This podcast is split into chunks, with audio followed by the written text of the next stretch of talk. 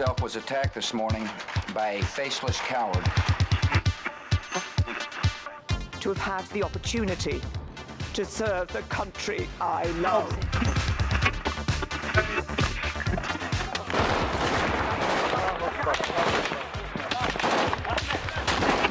Den Einsatz für Frieden und Freiheit in Deutschland, in Europa und in der Welt. We will southern border. I beg you, please do not fail on this.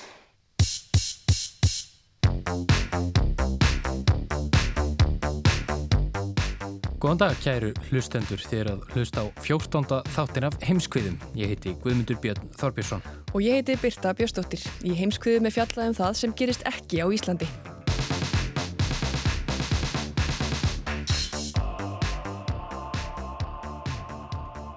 Það er óætt að segja að frétt vikunar séu tíðindi að viðskiptum eða viðskiptaháttum samherja í Namibíu.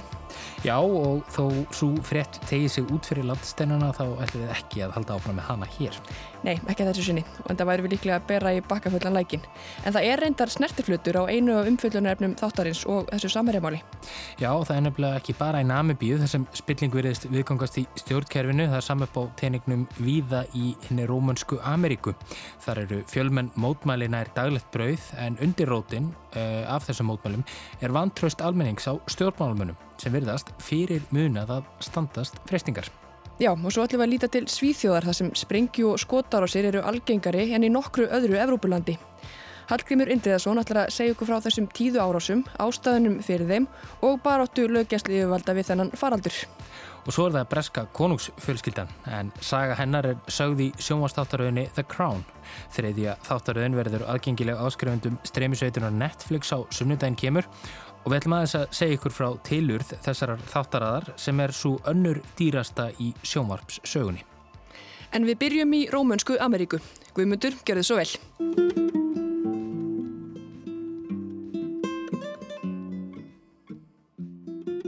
Það er vor víða í Suður Ameríku, en það er þessi heimsálfa hinum einn á hnettinum. Og vori fylgja alltaf umskipti, sól hækkar á lofti með tilherrandi breytingum á geðslægi og sumar er handan við hornið. Allt verður grætna og eins betra og er vorið því stundum myndlíkingum það þegar eitthvað breytist til batnaðar, þegar fjötrar hins liðna eru leistir og fólk horfir bjart sínt fram á veginn. Í þeim anda voru þau fjölmörgu mótmæli sem skóku Arabaheimin árin 2011 og 2010, kölluð arabíska vorið.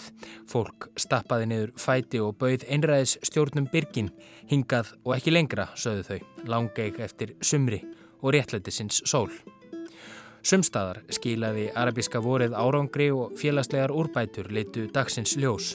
Annar staðar ekki, eins og borgarastyrjöldin í Sýrlandi ber sorglegt vittnium.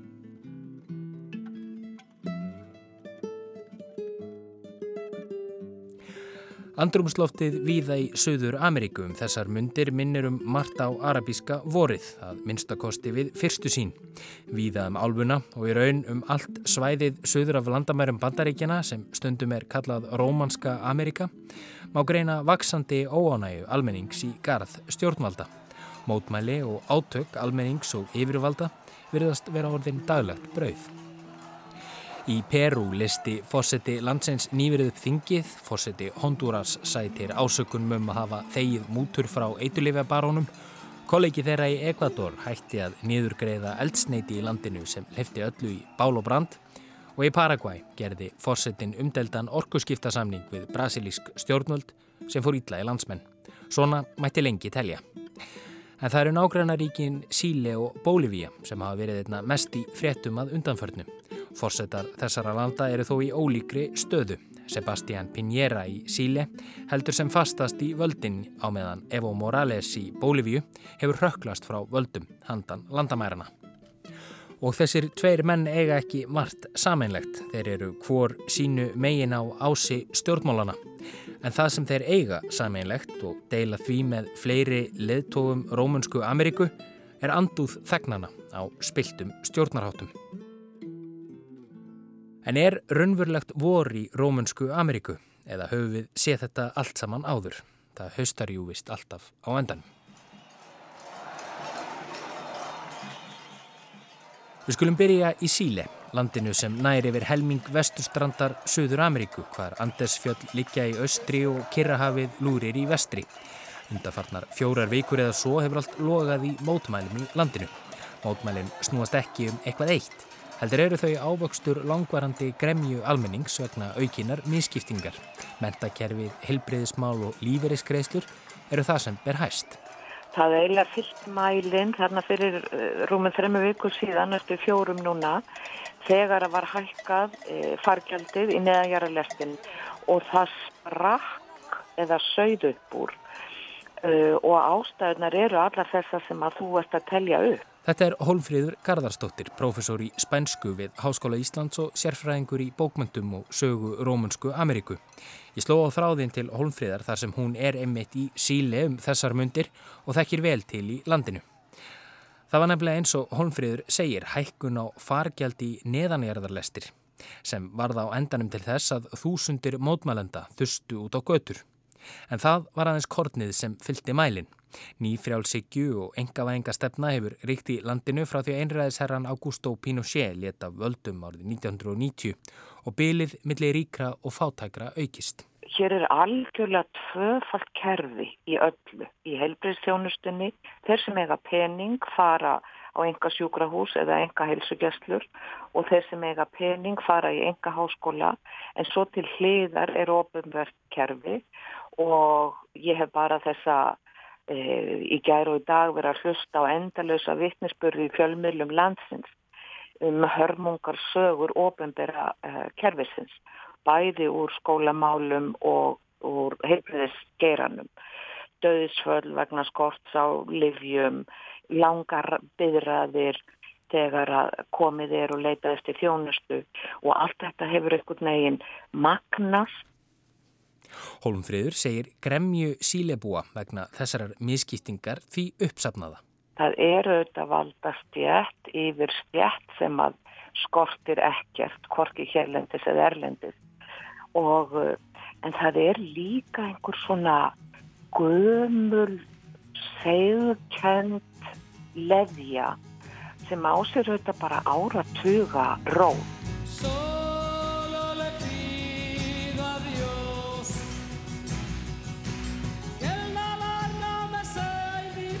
Þessa rót má rekja allt aftur til tíma herfóringastjórnar Pinochets frá 1973 til 1990 þegar fjöldi pólitískra andstæðinga einræðisherrans voru teknir af lífi og enn fleiri flúðu land.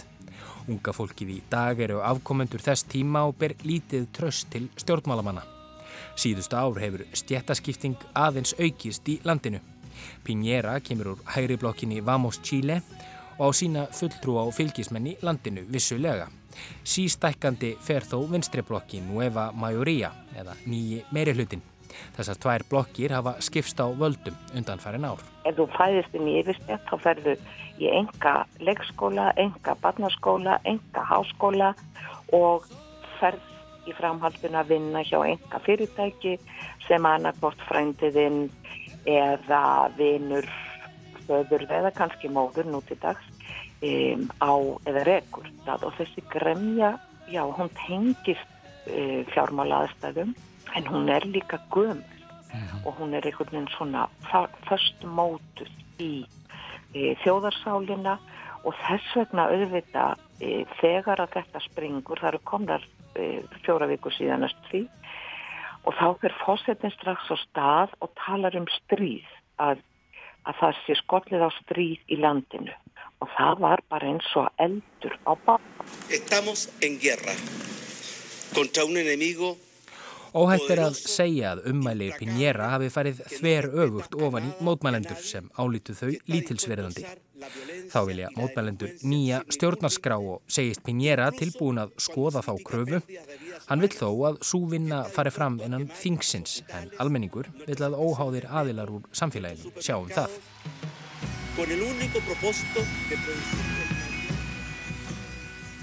Og mótmælendur vilja sömu leiðis og var öllu Pinjera burt. Afsagnar hans er krafist en hann situr sem fastast og tryggði bakland sitt enn frekar með því að stokka upp í ríkistjórn landsins. Þá lísti hann yfir neyðar ástandi í landinu en að minnstakosti 20 hafa látist í átökum millir mótmælenda og lauruglu frá því mótmælinn hófust fyrir tæpum mánuði. Ljóst er að þessari sögu er hverginæri lokið.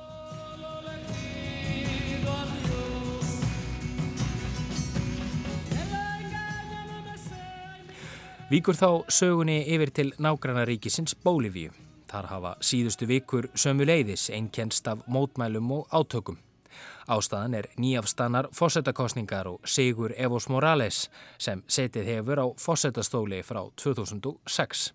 Sanna þótti að Morales og hans fólk hefðu hægrætt úslitum kostningana en það bendi fátt til þess dægin fyrir kostningar að Morales færi með Sigur úr bítum.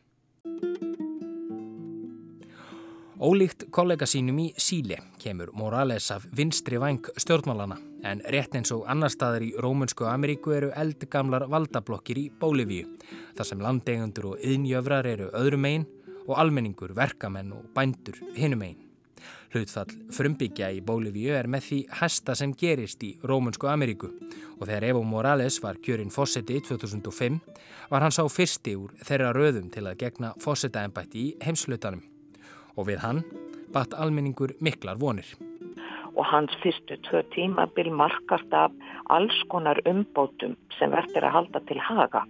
Hvað var þar sko réttindi frumbyggja, e, tungumál þeirra, mentakerfa á mörgum tungumálum en á sama tíma er auðvitað um, valdast jætt landeiganda hefur alltaf unnið hörðum höndum á móti og átt sér mjög sterska og flotta málsvara líka. Og þótt Morales hafi gert margt gott og notið vinsalda, kostuðu vinsaldir hans sitt. Það er umbætur sem hann gerði reyndust miklu kostnarsamar en mögulegt varinn hann ramma fjárlaga ríkisins. Og þegar fer að hallandan fæti bregst Morales við eins og svo margir aðrir stjórnmálamenn í Rómensku Ameríku verðast gera. En síðan gerir hann það sem að þessir valda menn, e, álfunar, e, e, bara endur taka aftur og aftur. Og það er að geta ekki látið að völdum. Og hann breyti stjórnarskráni þannig að hann getur búið gefið kost á sér einu sinni. En er aftur kostin. Sem fyrir segir þá vaknaði grunur um að maðgur væri í misunni þar sem spár gáði til kynna að hann myndi tapa en annað kemur upp úr kjörkosunum og Morales lýsir yfir segri. Mótmæli og óeirðir brutust út í nokkrum borgum í Bólivíu í kjölfarið og þar hefur ófremdar ástand ríkt undanfarnar vikur. El fascismo no puede volver en Bolivia. No podemos permitir que los intereses de los empresarios agroindustriales... 10. november síðastliðin var Morales hins vegar komin á endastöð og sagði af sér. Þremur vikum eftir að úslit kostningana voru kunngjörð. Hann hafði mist stuðning hersins og lauruglunar.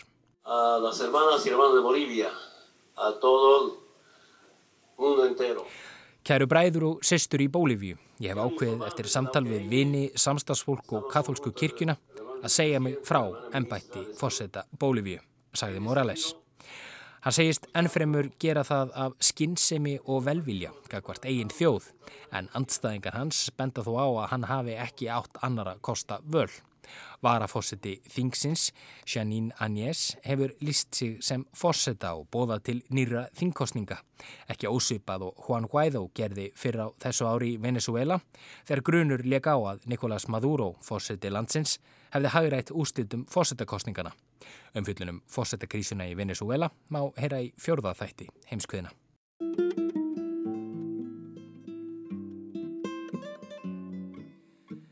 En er eitthvað sameinlegt með því sem er að gerast í Síle um þessar mundir og Bólivíu, löndum þar sem annars vegar er sótt að hægri stjórn Sebastians Piñera og hins vegar að vinstri stjórn Evos Morales. Og hvað með hinlöndin í álfunni þar sem allt logar sömu leiðis í yldeilum og mótmælum, Peru, Honduras, Venezuela, Ecuador og svo framvegis. Holmfríður segir það eitt einkenni á stjórnmálum í Rómunsku Ameríku að við líði sé og eigi að vera einn óskeikull stjórnandi, stór og sterkur og það ástand geti verið ávanabindandi. Þessi ofur áherslu á leiðtógan að það sé einn leiðtói og hann beri svo mikla og, og einangraða ábyrð einhvern veginn. Og þannig komast ekki upp í hliðin á þeim svona framtíðar kandidatar e, til þess að, að vera þá á hliðalínunni þegar og eða breytingar verða. Og sem er þó líka kannski í skýringin á að Morales einhvern veginn hefur frjóskast við og eh, einhvern veginn ekki geta skilið sinn vitjunatíma. Annað enginni, valda græðginni nátengt, er spillingin bölvaða sem verðist allstaðar ná að skjóta rótum. Í Tíli, í Bólivíu, í Argentínu, í Brasilíu, í Mexiko, þú veist, í þessum stóru, sterku, áhrifamiklum ríkjum álfunar er þetta landlæg áþján stjórnmálana, spilling. Þessi spilling hefur gegn sírt samfélagin og politist landslag í Rómunsku Ameríku. Hún verðist aldrei draga sér í hlið, hún verðist aldrei sofa. Því um leið og fólk fyllist bjart síni um að nú hafi stjórnmálamenn lært af reynslunni, lætur hún til skarar skrýða. Það er endalust vakna vonir um að testa það hinn muni brjóta þessa keðju eða þessa hlekki en svo bara er eitthvað. Fólk fellur í grifjur til miður. Það gerði Morales í Bólivíu og svo verist sem Piñera sé að feta svipaðar slóður um þessar myndir í Síle. Hann vald eflist við mótmælinn umkringi sig lauruglu og herr. En almenningur í Rómunsku Ameríku veriðist á sama tíma að vera búin að fá nóg af spiltum og valdasjúkum stjórnmálamönnum, þótt að sé ekki fyrsta sinn. Já, og það, og það er sko alltaf málið. Það var málið í meksikosku byltingunni í upphafi 20. aldar og, og það var þegar að sko byltingin í Nicaragua var gerð og Somoza eða á Kúpu eða í Kólambi eða Venezuela nýlega. Herfóringjastjórnirnar á 7. og 8. áratögnum komið til af því að af því það var óstjórn og það voru óreiða e, eins og, og herfóringjarnir skilgrendu þetta. Það vantaði svona það sem hér er kallað man og dúra, sterka hönd til að koma skikki á. En svo gerir það þegar þessi sterka hönd í gesalöpum er, er komin til valda að þá einhvern veginn verða hendurnar sem þar er í kring stækka og fitna á meðan að, að uh, allar hínar þessar eins vinnandi verka mann eins og Viktor Hara hérna ljóskaldið frá og, söngvarskaldið frá tíli e, fjallaði svo gætnan um að það er verða hóraður og hóraðuri Me gustas cuando callas porque estás como ausente Vandinn er því begja vegna pólitíska ásins eins og við höfum séð. Gott dæmi um það er einmitt Síle. Michelle Bachelet var fórseti Síle fyrst kvenna frá 2006 til 2010 fyrir sósialistaflokkin og naut mikill að vinselda í landinu. Hún var aftur fórseti 2014 til 2018 en þá fór að halla undan fæti. Fyrirtæki, sonar hennar og tengdadóttur hafðu þegið miljónir dollara í fyrirgreyslu frá Ríkisbanka Chile, eitthvað sem Bachelet segist þó hafi verið grunnlausum. Það dróður fylgi hennar og stuðningur við hana mæltist tæplega 40% þegar hún let af ennbætti í mars 2018, samanborið við 84% þegar hún let af ennbætti í fyrraskiptið 2010.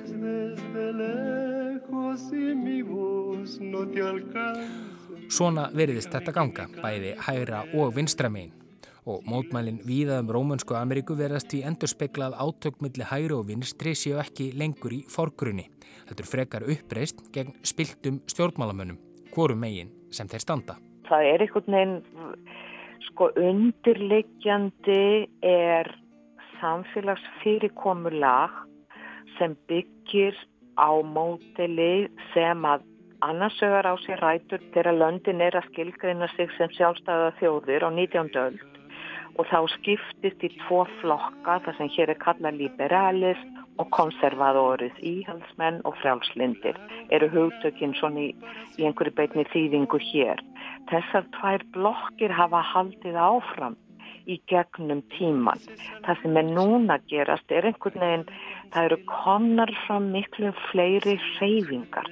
Það eru ekki alveg skýrar valdablokkir og þess vegna eru öll þessi kostningabandalög og undir hatti kostningabandalagana eru margar ólíkar reyfingar þannig að það er, það er bæði verið að reyna að gera einhverjum svona sáttamiðlanir og finna sameilega samnefnara um það hvernig er best að gera hlutina. En svo sama tíma er þessi hefð fyrir það sem hér er kalla káðíjó sem er þessi sterkir leiðtói einhver, einhver sem ber þungan af því sem er að gerast í samfélaginu.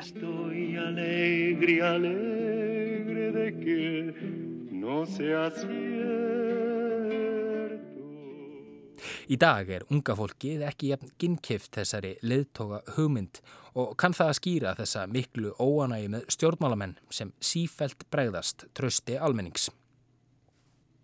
Við getum vist ekki fjallað um stjórnmál Rómunsku Ameríku á þess að ræða tvö stærstu efnahagsveldin, nákvæmna ríkin Argentínu og Brasilíu. Það er einmitt þar sem þessar öfgar, þessar sviftingar frá hægri til vinstri sína sig nú hvað skýrast. Stjórnmálinn sko í Rómunsku Ameríku eru gjarnan svona eins og pendul sem fer tilbaka, fram og tilbaka. Segir Holmfríður.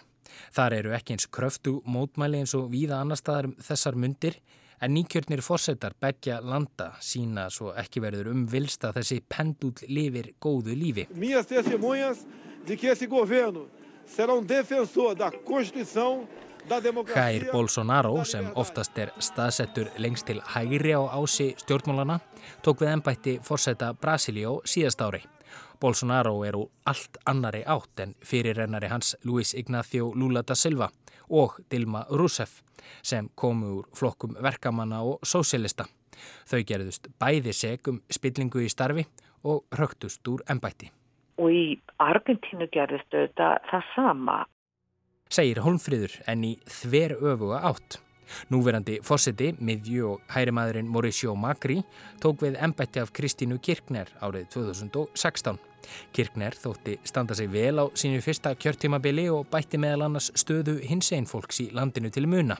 En fjölmörg spillingamál komu upp á valdatíð hennar og var hún meðal annars ákjærð fyrir landráð, hvorki meirinni minna.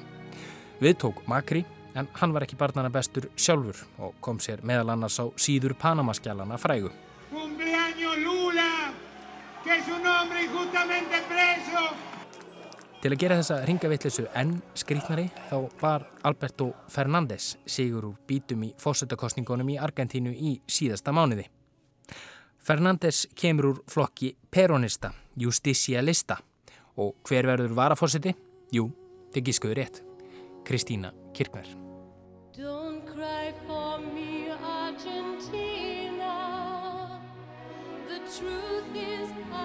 Ljóst er að íbúar Rómansku Ameríku er orðnir lang þreyttir á spiltum og valdasjúkum stjórnmálamunum, næstum hvert sem litið er. Stjórnmálamenn, hvort sem þeir koma frá hægri eða vinstri, verðast með öllu óhæfir um að standast þær fristingar sem fólk í valdastöðum stendur framifyrir. Og hvað segja þessi mótmál okkur þá? Er rómanst amerist eða söður amerist vor í vendum, eins og svo víða í Arabaheiminum árin 2010 og 2011? Hólmfríður telur að þrátt fyrir mótmælinn sé hefði eiginlega vor liðið. Það hafi komið og farið án þess að sumarið hafi nokkuð tíman látið sjá sig. Það var ákveði vor hér held ég þegar Lula e, og svo Dilma Rousseff tók við Kristína Kirchner á fyrra tímabilinu, Michelle Bachelet þegar þessar konur voru einhvern veginn á sínu fyrstu skrefum það voru einhverja svona væntingar. Auðvitað eru um, helmingur íbúið hér konur og einhvern veginn báru einhverja væntingar í brjósti til þeirra um að málinn yrði einhvern veginn öðruvísi. En svo einhvern veginn tekst ekki að vinna úr því til, til sko framtíðar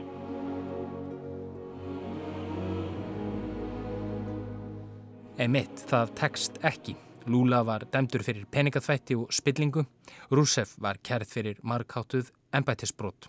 Bachelet, eins og áður sagði, flæktist inn í óprútna starfsemi sonarsins og tengdadóttur og fjölmörg spillingamál enkendu stjórnatíð Kristínu Kirkner sem kemst aftur á valdastóli í Argentínu þegar hún tekur við embætti varaforsetta í desember. Holmfríður segir að það vanti þriðju lausnina, nýjar leiðir til að taka stáfið stjórnmálalanslæði í álfunni. Þangað til breytist ekkert og frekari tafir verði á vorinu.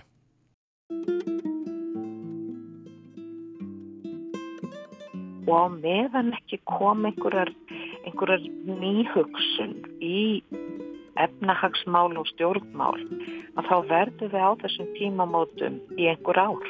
Ég, ég sé það fyrir mér e, í Rómusku Ameríku. Þessar sviftingar eru öfgafullar og, eh, og það eru margir einhvern veginn á milli sem lenda á milli flestir ef til vill láta sig málinn litu varða en þeir sem láta sig þau varða hafa mjög sterkar skoðanir og þess vegna slæri brínu aftur og aftur Þangað til stjórnmálamenn geta sínt að þeir séu traustsins verðir er líklega ekki hægt að kalla þessi fjölmörgu og kröftugu mótmæli víða um Rómensku Ameríku annað en vor hrett en hefð rótgróna vantraust almennings á valdhöfum og leðtóðum í álfunni sínir svo ekki verður um vilst að fólk er orðið langgeitt eftir betri tíð með blóm í haga eftir sumri.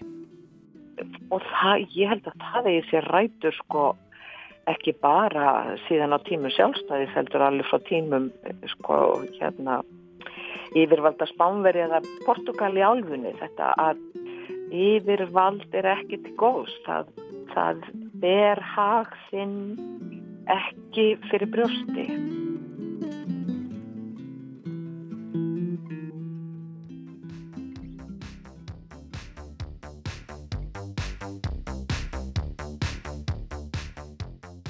Sprengju og skotárásir eru algengari í Svíþjóð en í nokkru öðru Evrópulandi.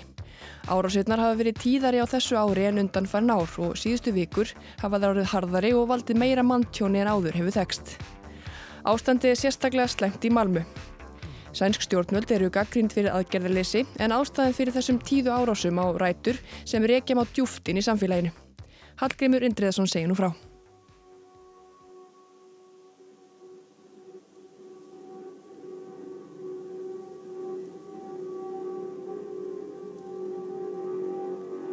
Um nýjuleitið á laugadagskvöldið var 15 ára piltur fluttur á sjúkrahús eftir skotárás á pizzastað við Möllevóngstorkið í Malmu.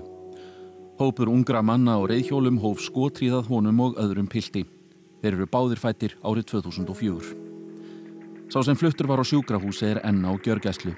Hinn, Jafar Mohammad Ibrahim, lést af sárum sínum. Seks gött eftir bissukúlur sáust á framhlið pizzastaðarins eftir árásina. Þessi skotarás hafði greinilega verið bísna vel undirbúin. Nokkrum mínútum fyrir þessa árás var tilkynntum sprengingu í Fogelbakken í sömu borg. Laureglan var kölluð þangað en nú er talið að þessi sprenging hafi verið yfirvarp til að auðvelda þeim sem skutu á piltana 2 að aðtapna sig. Jafar var sírlendingur en kom til Svíþjóðar árið 2016 á samt fjölskyldu sinni.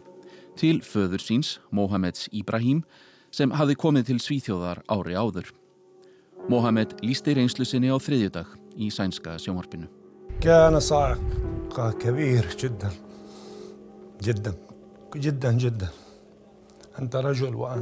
Þetta var hræðilegt, virkilega, virkilega hræðilegt.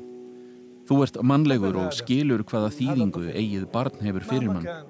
Sama hvernig þetta gerðist, þá er þetta ekki sangjörð leið til að deyja, segir Mohamed. Hann lýsir Jafar sem ljúfum dreng, vinsælum og oft með félaga heima hjá sér. Honum hafi þótt mjög vænt um foreldra sína og sískinni. Laureglann saði á bladamannafundi að Laureglann hefði þekkt til Jafars. Mohamed staðfesti það. Hann hefði einu sinni verið kallaður inn sem vittni með félaga sínum. Það var allt og sumt. Hann hafi notið ástar og umhyggju fjölskyldunar. Og það segir kannski sitt að maður sem kemur frá jafn stríðshrjáðu landi og sírlandi hafi áhyggjur af ástandinu í Malmö.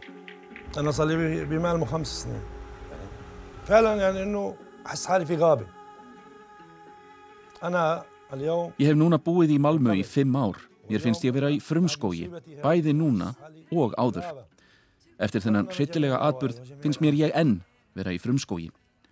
Ég byrð alla foreldra og fjölskyldur að halda vendarhendi yfir börnunum sínum, að vera hrættum þau. Ég óska ekki nokkrum lifandi manni þess að missa barnið sitt á þann hátt sem ég misti mitt barn.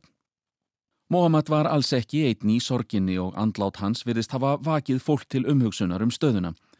Í það minnsta lagði fjöldi fólks blóm og kerti á Möllevóngstorkið til að votta honum virðingu sína.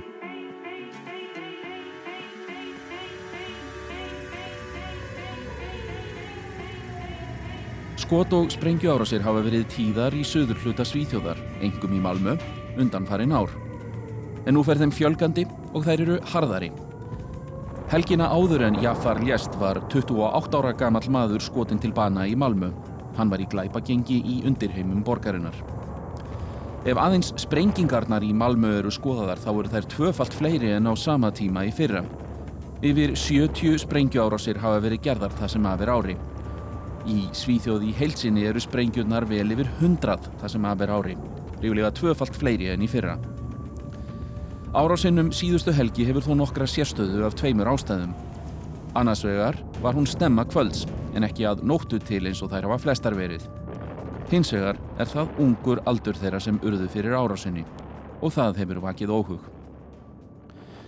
Þessi mikli fjöldi sprengju árasa á sér ekki fordæmi í heiminum að sögn Ylvu Erlín sprengjusérfræðings. Við er 10 miljónir mennesker í Sverige með den här eh, nivån på sprängningar. Det tror jag, jag har inte hittat motsvarigheten i ett eh, industrialiserat land eh, någonstans, motsvarigheten så. Það búa 10 miljónir manna í Svíþjóð en ég hef ekki séð jafn mikinn fjölda sprenginga í yðnvættu landi. Það eru engin dæmi um það, segir Erlín. Hún bendir einnig á að það sem getur skapað hættu er að fólk þekki ekki hversu hættulegt sprengjuefnið er sem það hefur í höndunum. Þetta hefði jafnvel geta verið enn verra því sprengjusveitum hefur tekist að aftengja hátt í 80 sprengjur áður en þær hafa sprungið. Annar afbrótafræðingur segir að aðeins í Mexiko séu sprengjur notaðar í meiri mæli í árásum en í Svíþjóð þegar hort er til landa þar sem stríð geisa ekki. Og svo eru það skotárásirnar. Arda van Kosnút Afbrótafræðingur sagði í viðtali við SFT að hverki annar staðar í Vestur-Európu verði fleiri á aldrinum 15 til 29 ára fyrir skoti. Breytingin í ári er ekki aðeins í fjöldasprenginga. Áður voru aðalega notaðar handsprengjur og aðra sprengjur sem er notað í hernaði. En í ár fór að bera á því að meira væri notað af upplugra sprengiefni sem er til dæmis notað í framkvæmdum og vegagerð og dæmi eru um að samsetning þeirra beri þess merki að þar kunni fólk ekki til verka og gerir sér þá kannski ekki grein fyrir hversu miklum skada það getur valdið. Þessar árásir eiga sér fyrst og fremst staði í fátækari hverfum og ekki engungu í Malmö, líka í Gautaborg, Stokkólmi og Linköping. Og nú í vikunni var haldinn bladamannafundur í Uppsölum þar sem kom fram að 28 skotárásir hafi átt sér stað í þessum háskólabæ þar sem afer ári og 44 alls í miðluta svíþjóðar. Munurinn er þó sá að í þessum árásum hefur enginn slasast alvarlega. En hvers vegna eru þessar árásir svona alvarlegar? Það er kannski hlut af vandamáluna við höfum þetta svo kalla meiri hluta samfélag sem að meiri hluti borgarna býr í og svo hefur við undir heimana. Segir Gunnhildur Lili Magnúsdóttir, professor í stjórnmálafræði við Háskólan í Malmö. Hún hefur búið í Svíþjóð í 17 ár. Það sem kemst í fréttinnar er þegar þessi tveir heimar skarast en hlut af ástæðinu fyrir því að kannski undirheimarnir hafa vaksið og, og skottára sem hefur fjölgað er að þetta hefur samt sem aður verið vandamál sem er bundið við eh, ákveðin gengi. En það sem gerðist núna í, um helgina í Malmö var þetta, eh, það var mjög sjokkerandi og ég held að fólk sé sleigið en kannski, kannski ekki hissa. Og það getur fleira komið til. Ef umhverfið er borið saman við Danmörku og þar hafa vissulega verið sprengju ára sér líka þó að það séu ekki jafn tíðar og í Svíþjóð, segir Gunnhildur Lili að sérfræðingar hafi meðal annars bent á að fjarskiptalög séu önnur þar. Til dæmis eru rýmri heimildir til hlerana.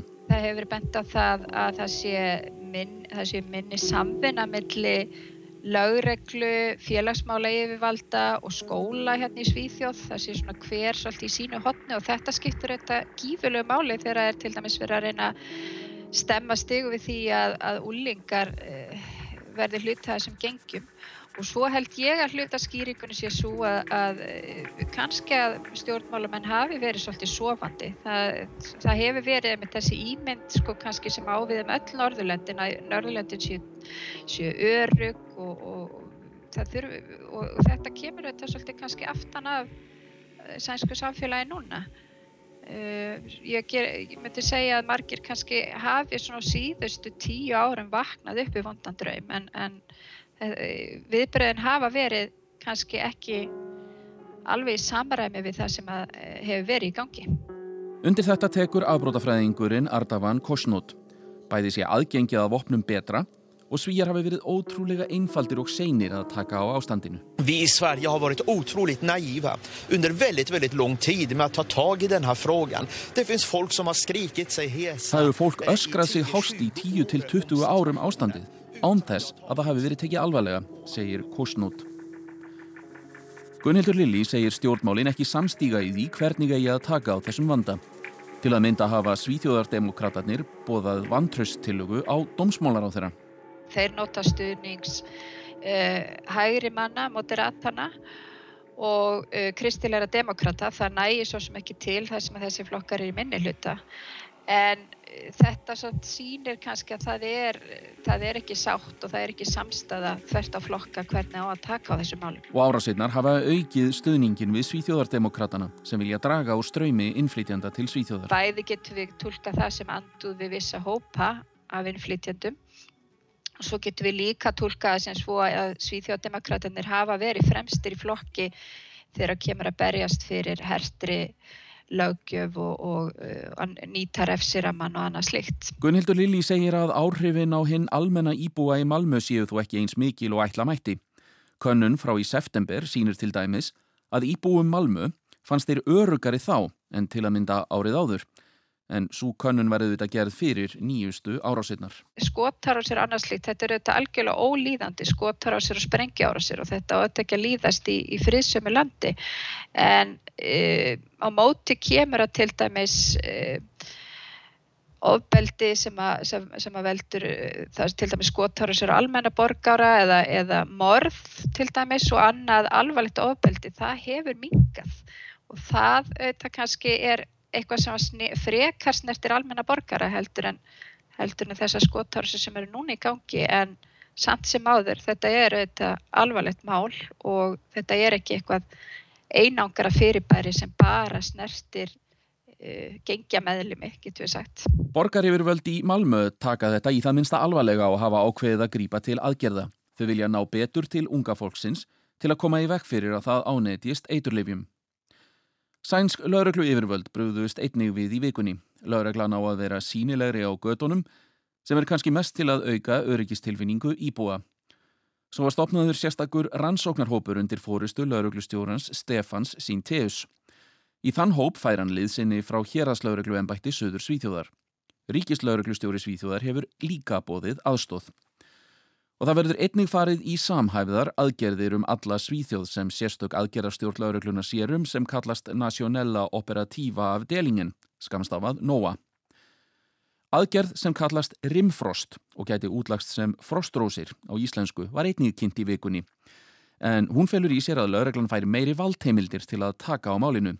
Þvingunarúræðum verður beitt til að fækka fólki í glæbagengjum og gera í auknum mæli upptæk vopn. Stefan Hector, aðgerarstjóri hjá NOA, segir að engar einfaldar lausnir séu á svo floknu vandamáli. Så vad polismyndigheten gör är att vi reducerar antalet angrepp. Hector segir að það eigi að fækka árásum, fækka í glæpagengjum og auka öryggi fólks. Artafan Kostnút, afbrótafræðingur, segir þessar aðgerðir jákvægt skref sem drægi úr ofbeldi. Það sem gerist í framhaldinu ráði hins vegar úslitum. Nu påbörjas operation Rimfrost där eh, Malmöpolisen får en hel massa förstärkning. Vi kommer garanterat se resultat. Við sjáum örglega árangur af þessu starfi en spurningin er hvað gerist eftir halvt til eitt ár, segir Kusnút. Verður þetta dreyið tilbaka eða höldum við þessu framlægi? Það er mikilvægasta spurningin.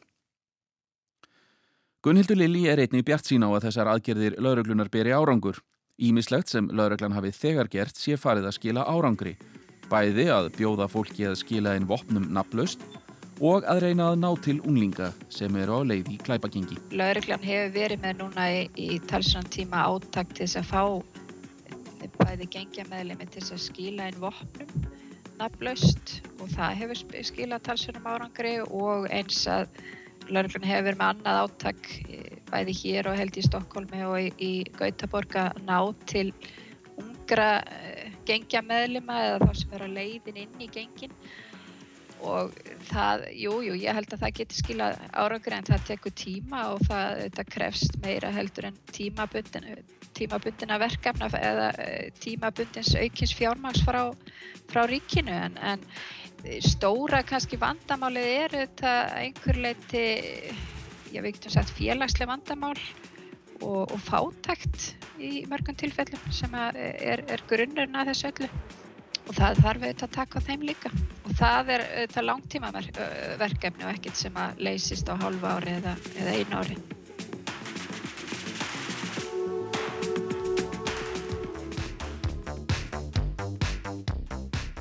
Á sunnudaginn kemur verður þriðja þáttaröðin af The Crown aðgengilega á streymisveitunni Netflix. Í þáttaröðin er sagt frá valdatíð Elisabetar Englandsdrottningar. Ævisaga drottningarinnar eru næst dýrustu sjónvastættir sögunar en það er engu til sparað við að sviðsetja ævi konungsfylskildunar. Ekki eru þó allir ánaðir með uppáttækið. Á meðan sum gaggrína umfjöllun um personleg málefni tengd fjölskyldunni segja aðrir að söguleg ónákvæmni á köplum rýri heim heimildagildi þáttana. Birta Björnstóttir.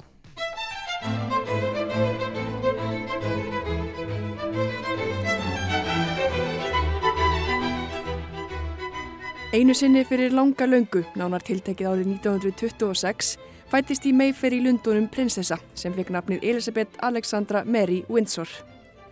Elisabeth var elsta barn foreldrar sinna, hertu hans Alberts og Elisabethar konu hans, sem eignuðist auk Elisabethar dótturina Margréti.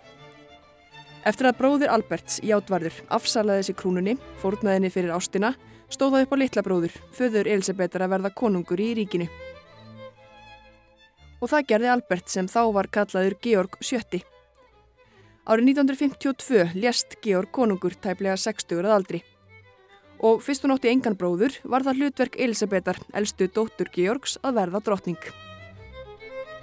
En ólíkt mörgum starfsistrum sínum í ævintýrunum hafa frásagnir um æfi og störf Elisabetar ekki bara verið til aflestrar, heldur eru nú aðgengilegar á streymisveitunni Netflix í sjónvastáttarauðinni The Crown.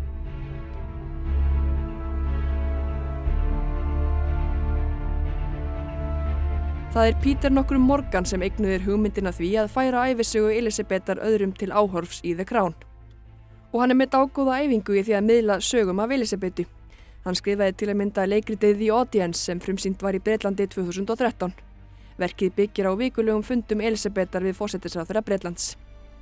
Kvikmyndin The Queen frá árunni 2006 er einnig hugarfóstur Morgans. Í myndinni er það Helen Mirren sem leik Elisabetu eftirminnilega og fekk að launum Óskarsvelni. Now you know for 50 years and more Elizabeth Windsor has maintained um, her dignity Í þakkaræði sinni varð Mirren tíðrætt um konuna sem hún leki í myndinni. Her sense of duty and her hairstyle.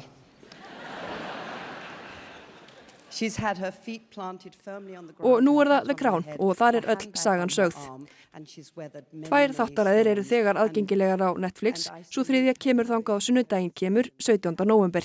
Og ef einhver er að telja, má halda því til haga að á sunnudaginn verða nákvæmlega 623 dagar síðan síðasta þáttaröð að The Crown var frumsýnt. Áallega er að þáttaræðarnar verði sex áður en yfir líkur. Sex þáttaræðir sem hver inni heldur tíu klukkustunda langa þætti. Sem sé, samtals um 60 klukkustundir að sögu Elisabetar Englandsdrottningar. Og það má kannski ekki mikið minna vera fyrir konu sem hefur verið drottning í á sjöunda áratug. O God, the crown of the faithful, bless we beseech thee this crown, and so sanctify thy servant Elizabeth, Svo lengi að árið sem Elisabeth tók við krúnunni 1953 var Ásker Áskersson fósetti Íslands. Landtelgi Íslands hafði nýverið verið færð úr þremur í fjórar sjómílur. Ólafur Tórs var fósettisráð þeirra í fjórðasinn og landsmenn töldur rétt rúmlega 150.000. Enda er það krán ekki bara saga Elisabetir heldur brot úr sögu þjóðar. Saga þjóðar eða í raun hluta heimsins alls. Saga nýlendu þjóðar í gegnum umfangsmiklar breytingar, áföll og áskorunir. Í fyrri tveimur þáttaröðunum segir meðal annars frá kríningu Elisabetar, deilunni um súaskurðin, sambandinu við Winston Churchill svo fátt eitt sér nefnt. Í þriðju þáttaröðinni sem verður aðgengilega á Netflix á sunnudag verður fjallað um tímabilið frá 1964 til 1977. Og fjórða þáttaröðun er sömu leiðis í bígerð. Þar verður Diana prinsessa kynnti leiks auk þess sem fjallað verður um stjórnartíð Margreðar Tatser.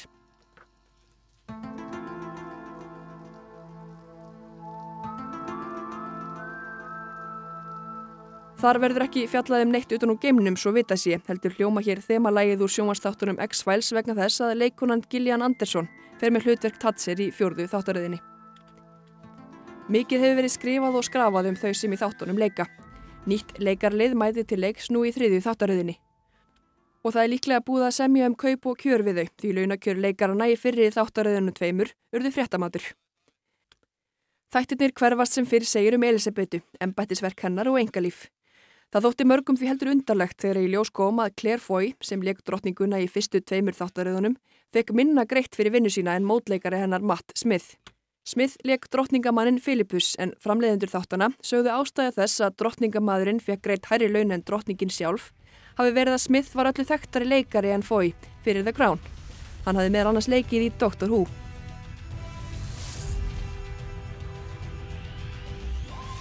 Framleiðendur sá reyndar fljótlega að svo skýring var í síst til þess fallin að sætta þau sem gaggríndu launamunin og báðust afsökunar. Bæði á því að hafa greitt drottningamanninum hærri laun en einni fyrir að setja þau fói og smið í þessa aðstöðu að þurfa svara fyrir launin sín. Hvorugt er að vissi af launamununum og báðum þótti hann meður.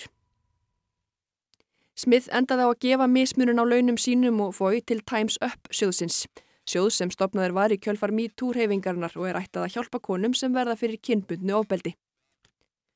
Þá sóru framleiðendur og sárt við lögðu að aldrei framar myndi nokkur leikar eða leikona fá greitt hærri laun en svo sem fer með hlutverk drottningarinnar.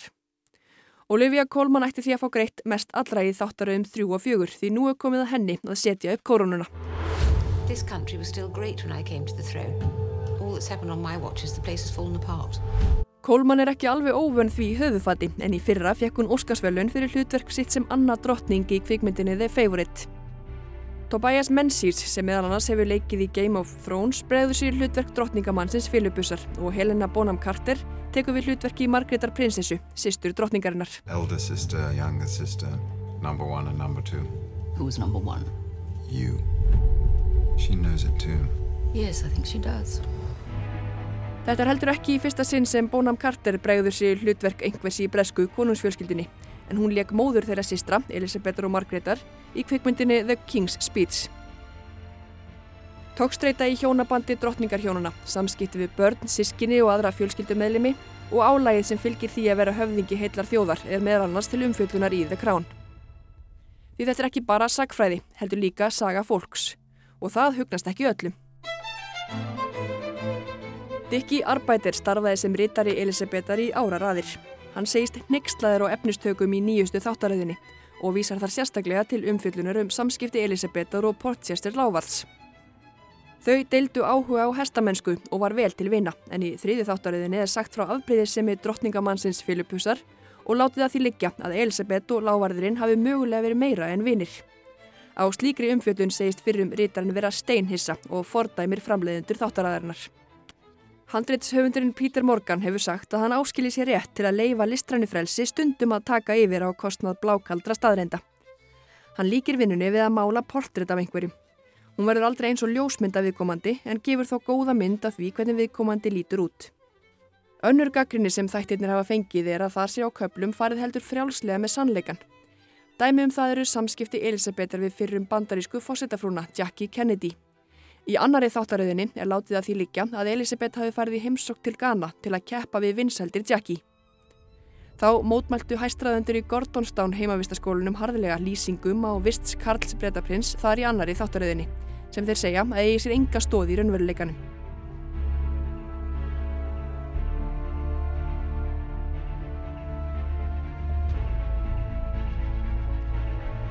Þáttaröðun The Crown er stóri sniðum, dýri í framlegslu og litlu til sparaði við að endurskapa söguna. Þannig mun það hafa verið hlutverk þeirra sem sjá um búningana í þriði þáttaröðinni að sauma á og klæða 8000 aukaleikara sem sjást í þáttunum. The Crown er önnur dýrasta þáttaröð sögunar á eftir Game of Thrones. En þó hún sé dýr er hún ekki eins dýr og kostnæðurinn við að halda uppi konusfjölskyldinni. Komi allar þáttaræðarna 6 til með að kosta svipað og svo fyrsta, væri hægt að greiða fyrir þar allar með peningum sem það kostar að halda uppi konusfjölskyldinni í 1-2 ár. Já, þriðja þáttaröðin er sem sagt alveg að koma og það er nóg eftir þegar áhuga sem hafa hámhort á þriðja þáttaröðin á sunnudag. Þá má fara að hlakka til fjórðu þáttaraðarinnar og svo fara að velta fyrir sér hver teku við krúnunni og hlutverki Elisabetar í 50 og 70 þáttaröðinni. Það er allavega þó nokkuð eftir af sögu Elisabetar englandsdrottningar, áður en hægt verður að segja, úti er æfintýri.